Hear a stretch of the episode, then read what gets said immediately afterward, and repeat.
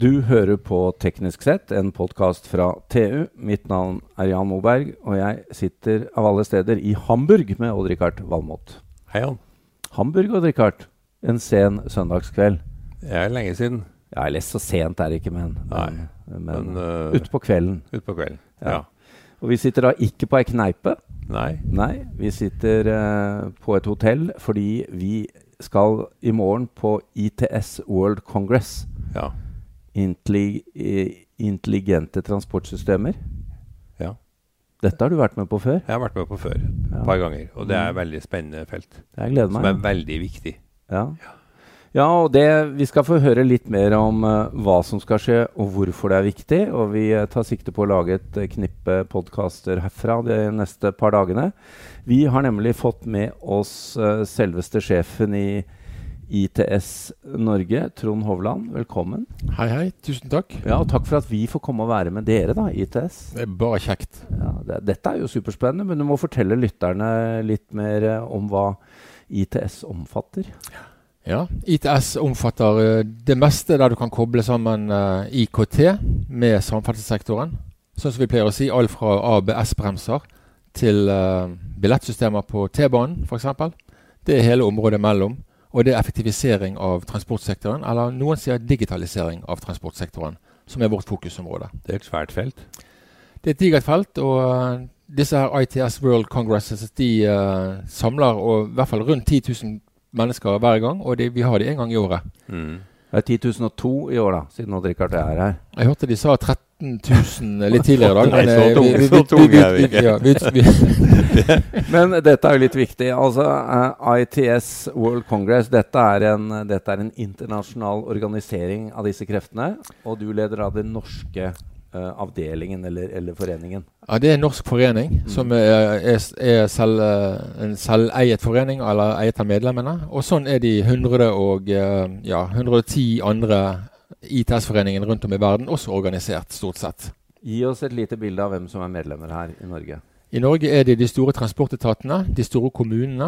Eh, og så har vi eh, små oppstartsbedrifter, enmannsbedrifter, helt opp til eh, Køfri og IBM og Microsoft. eh, og store konsulentselskaper. Ja. I tillegg til alle de store forskningsinstituttene i Norge. Ja, Alle, riktig. vil, alle vil være med på å løse fremtidens samferdsel.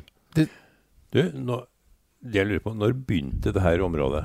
Når begynte det å Dette bre seg ut? Dette området her begynte med at eh, det som vi kaller for ITS America, de Ja. eh, etablerte eh, navnet ITS rundt 1990. Og så tidlig, ja. Ja.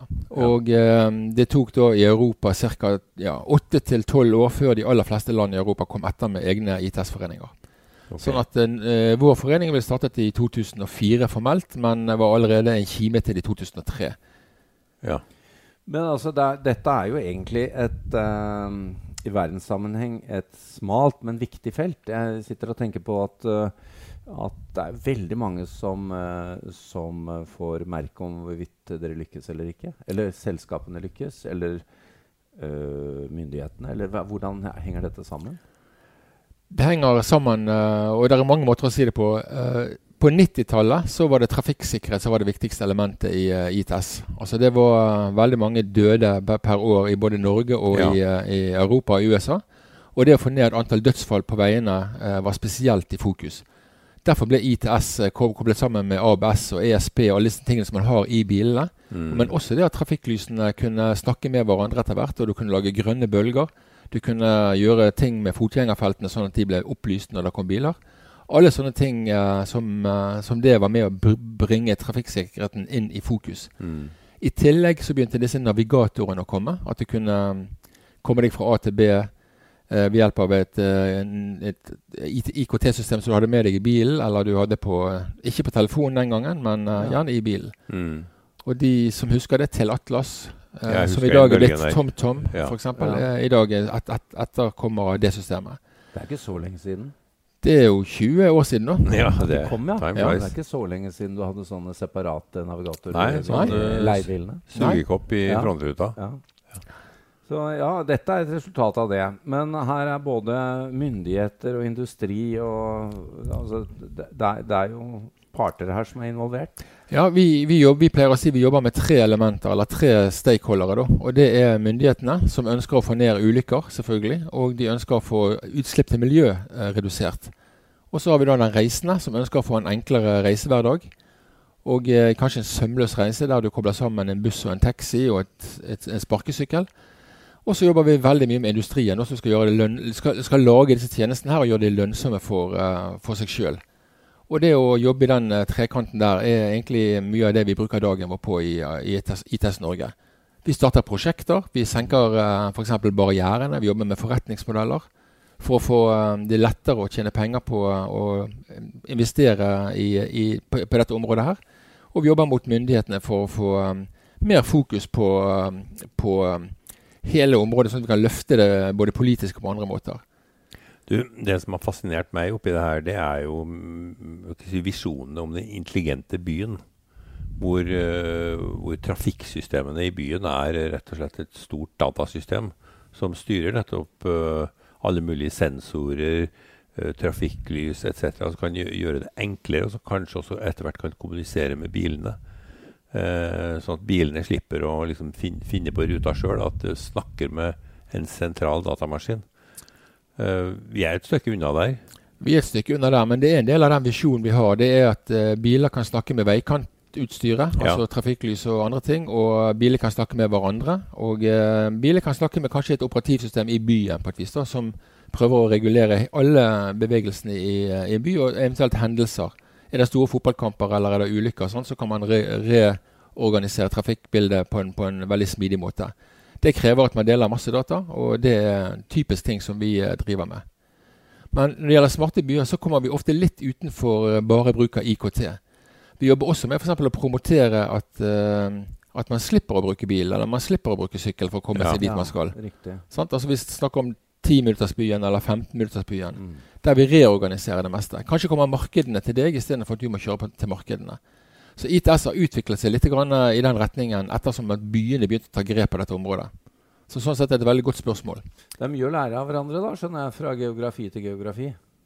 Absolutt. Ja, hvilke, er, det, er, det, noen områder Trond, hvor, hvor, ITS, uh, hvor vi er ledende i Norge? Ja, det er det. det er egentlig to, på to områder er vi ledende. Og for de som, inn, de som, bor på Østlandet, de kjenner Ruter. Og Ruter er et veldig fremoverlent kollektivselskap som har laget veldig mange gode løsninger for de reisende i Oslo, og er ikke redd for å prøve nye ting.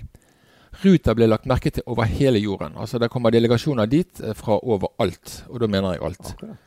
I tillegg har vi én tur, som samler sammen data fra alle kollektivselskapene i Norge, og noen private, f.eks. sparkesykler og deler disse med, med, alle andre som trenger data, sånn at de kan sette sammen eh, reiser og eventuelt ordne med betalingen for disse.